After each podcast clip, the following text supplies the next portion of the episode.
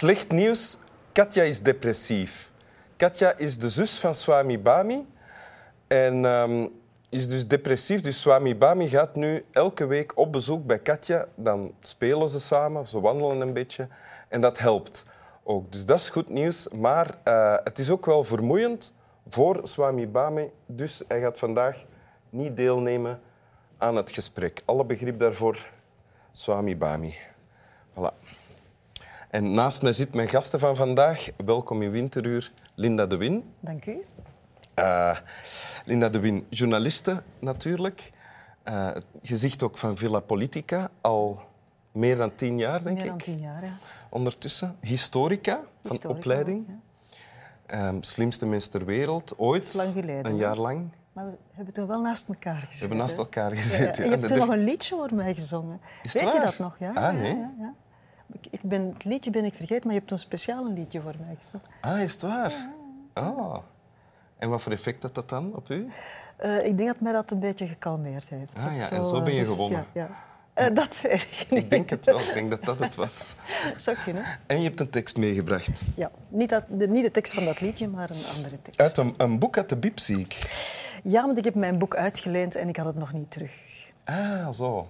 Maar uh, in de Bib hebben ze het ook. En, nu niet, hè? Want nu nee, nee, nee, nee ja. maar ik bedoel, het is echt wel aan te raden. Ja. Oké. Okay. En het boek is... Lees uh... eerst het fragment ah, voor. Okay. Ja. Ga ik doen.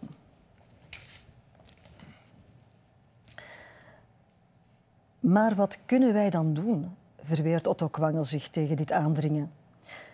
Wij zijn maar met een paar en al die miljoenen zijn op zijn hand. Zeker nu, na deze overwinning op Frankrijk. Wij kunnen helemaal niets doen. We kunnen heel veel, fluistert ze. Maar de hoofdzaak is dat wij anders zijn dan zij. Dat wij ons er nooit toe laten brengen om te zijn en te denken als zij.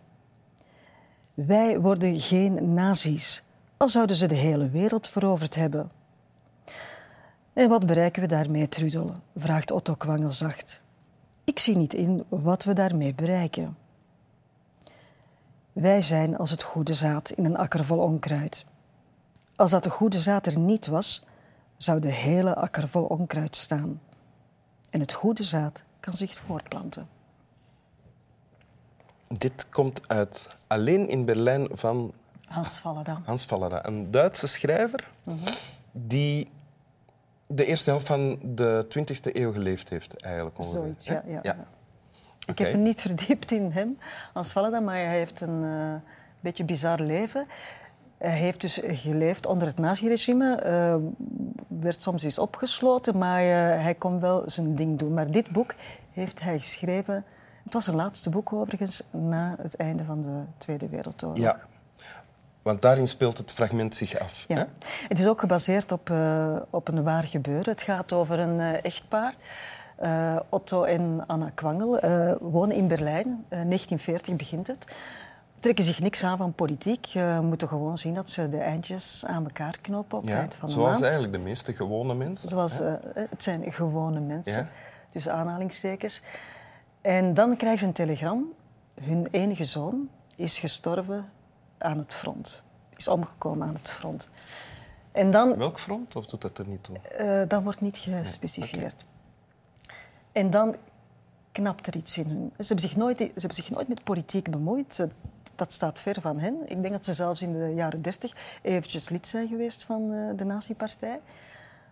Maar dan, ze zien ook wel dat er een aantal dingen rond, rondom hen gebeuren, dingen die niet juist zijn. Maar dan hebben ze zoiets van, nu moeten we onze stem laten horen, nu moeten we protesteren. En hoe doen ze dat? Eigenlijk heel simpel, want eh, ze zijn niet zo creatief. Ze maken postkaarten en daar eh, ja, plaatsen, schrijven ze, maar in, in, eh, niet in, in gewone letters, maar in eh, gedrukte letters. Zo zeg je dat toch? Ja? Schrijven ze leuzes op tegen het uh, naziregime. En ze gaan dat leggen op plaatsen waar veel mensen voorbij komen. In de hoop dat die mensen dat dan lezen. En dat die ook aange- aangespoord worden om in het verzet te komen. En dan gelijkgezinden of gelijkgestemden Ja. weten van wij zijn niet alleen, er zijn er nog een ja. paar die... Maar, maar ze ondertekenen dat uiteraard niet. En eh, ze, ze kunnen dat denk ik een jaartje of zo doen. En dan, ja, komt er iemand op het spoor, dat nazi-apparaat komt in beweging en eh, ze worden gevat, belanden in de gevangenis en worden uiteindelijk terechtgesteld. Dan is de vraag, ja, is dat het nu waard geweest? Hè? Hoeveel mensen hebben dat gelezen? Ja. Maar, en, maar dat is dus het verhaal dat, hier wordt ja. verteld en dat is gebaseerd op een echt Ja, op gebeurd echt eh, verhaal. gebeurde feiten. En dan is het fragment dat je hebt gekozen. Wat staat er hier? Wat gebeurt er? Waarom heb je dit gekozen? Ja, dat is helemaal in het begin. Dus eh, ze hebben net het nieuws gehoord van eh, hun zoon, die is omgekomen. En dan blijkt, dus de, we kunnen heel veel, fluistert ze, dat is het meisje met wie de zoon verloofd was. En die blijkt dan toch connecties te hebben met verzet. En die heeft eigenlijk al vroeger de klik gemaakt van ja, maar we kunnen wel iets doen.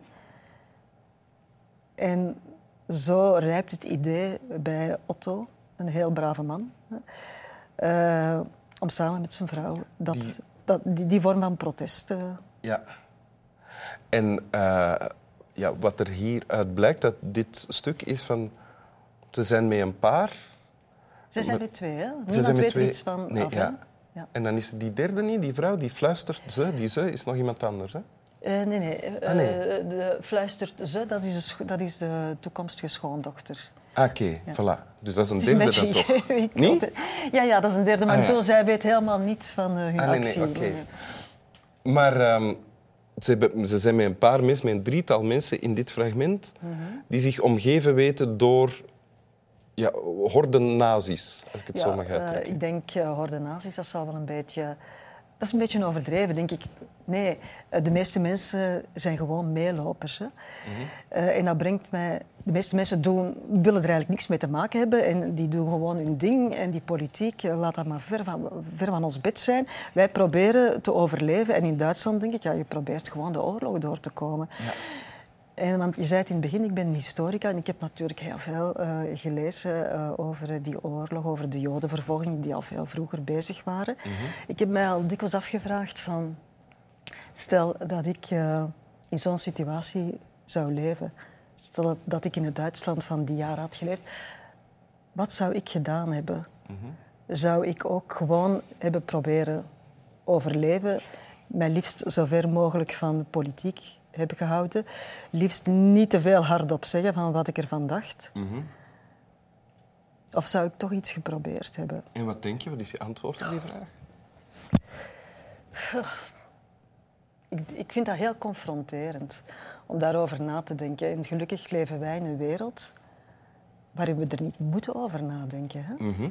Want eh, sinds de Tweede Wereldoorlog hebben wij geen oorlogssituatie meer gekend. Maar er zijn wel een aantal fenomenen, vind ik, die mij doen terugdenken aan die periode. Ik bedoel, wij worden nu ook wel geconfronteerd met vluchtelingen. De oorlog in Syrië heeft een vluchtelingenstroom eh, teweeggebracht.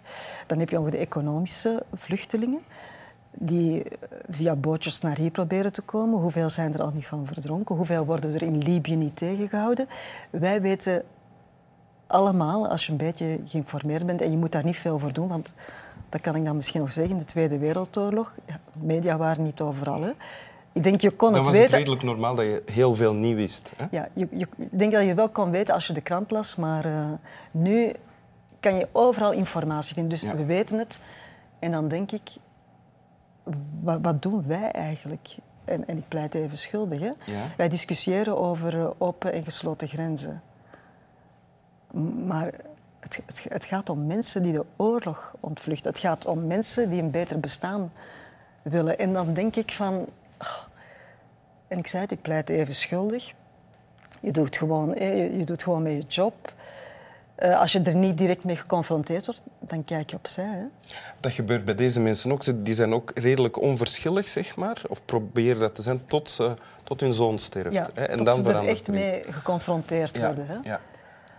Maar zo heb je wel mensen nodig, denk ik. Hè? Je, hebt mensen nodig die... eh, al zijn er maar een paar eh, die zeggen van... Sorry, maar dit, dit kan niet meer. We, we moeten iets doen. ja. En je zegt, ik pleit schuldig. Is dat dan Ik iets... pleit schuldig in die zin van... eh, Ik, ik kan niet op mijn, op mijn eentje de wereld redden. En eh, Maar vind je van jezelf soms, ik doe te weinig? ja, dat vind ik wel. Ja, Ja? dat vind ik wel. Ja. Wat zou je dan meer kunnen doen? Uh, nu, nu, kan ik zeggen van ja, ik heb een drukke job en ik moet s ochtends de deur uit. Dat is ook en, waar, en, en, ja, dat is waar. Ik kan misschien uh, in mijn job, als er ja, onwaarheden worden verteld over bepaalde dingen, proberen toch wel te zeggen, ja, maar zo is het niet. het zit wel zo. En er worden heel veel ja, eh, er is heel veel fake news, hè? ook uh, wat bijvoorbeeld migratie betreft, hè? Ja. om daarover te hebben. Ik denk dat je, dat je dan moet proberen bij de feiten te blijven en ja, de mensen erop te wijzen van... Het, het, is allemaal niet zo simpel als open of gesloten grenzen. Oké, goed. Wil, wil, je het nog eens lezen, het fragment? Nog eens lezen, ja. Mag ik het uit het boek? Of, Natuurlijk, ja. Liefst uit het boek. Oké, okay. moet ik het... We zouden allemaal een beetje meer moeten zijn als Otto Kwangel. Op onze, het is misschien een kleine manier, maar... Maar wat kunnen wij dan doen?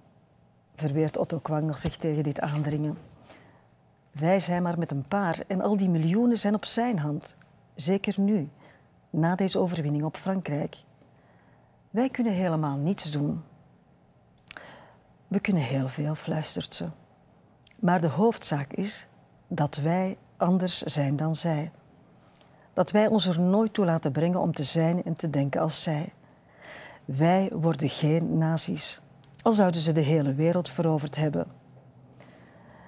En wat bereiken we daarmee, Trudel? vraagt Otto Kwangel zacht. Ik zie niet in wat we daarmee bereiken. Wij zijn als het goede zaad in een akker vol onkruid. Als dat goede zaad er niet was, zou de hele akker vol onkruid staan. En het goede zaad kan zich voortplanten. Dank u. Slap wel.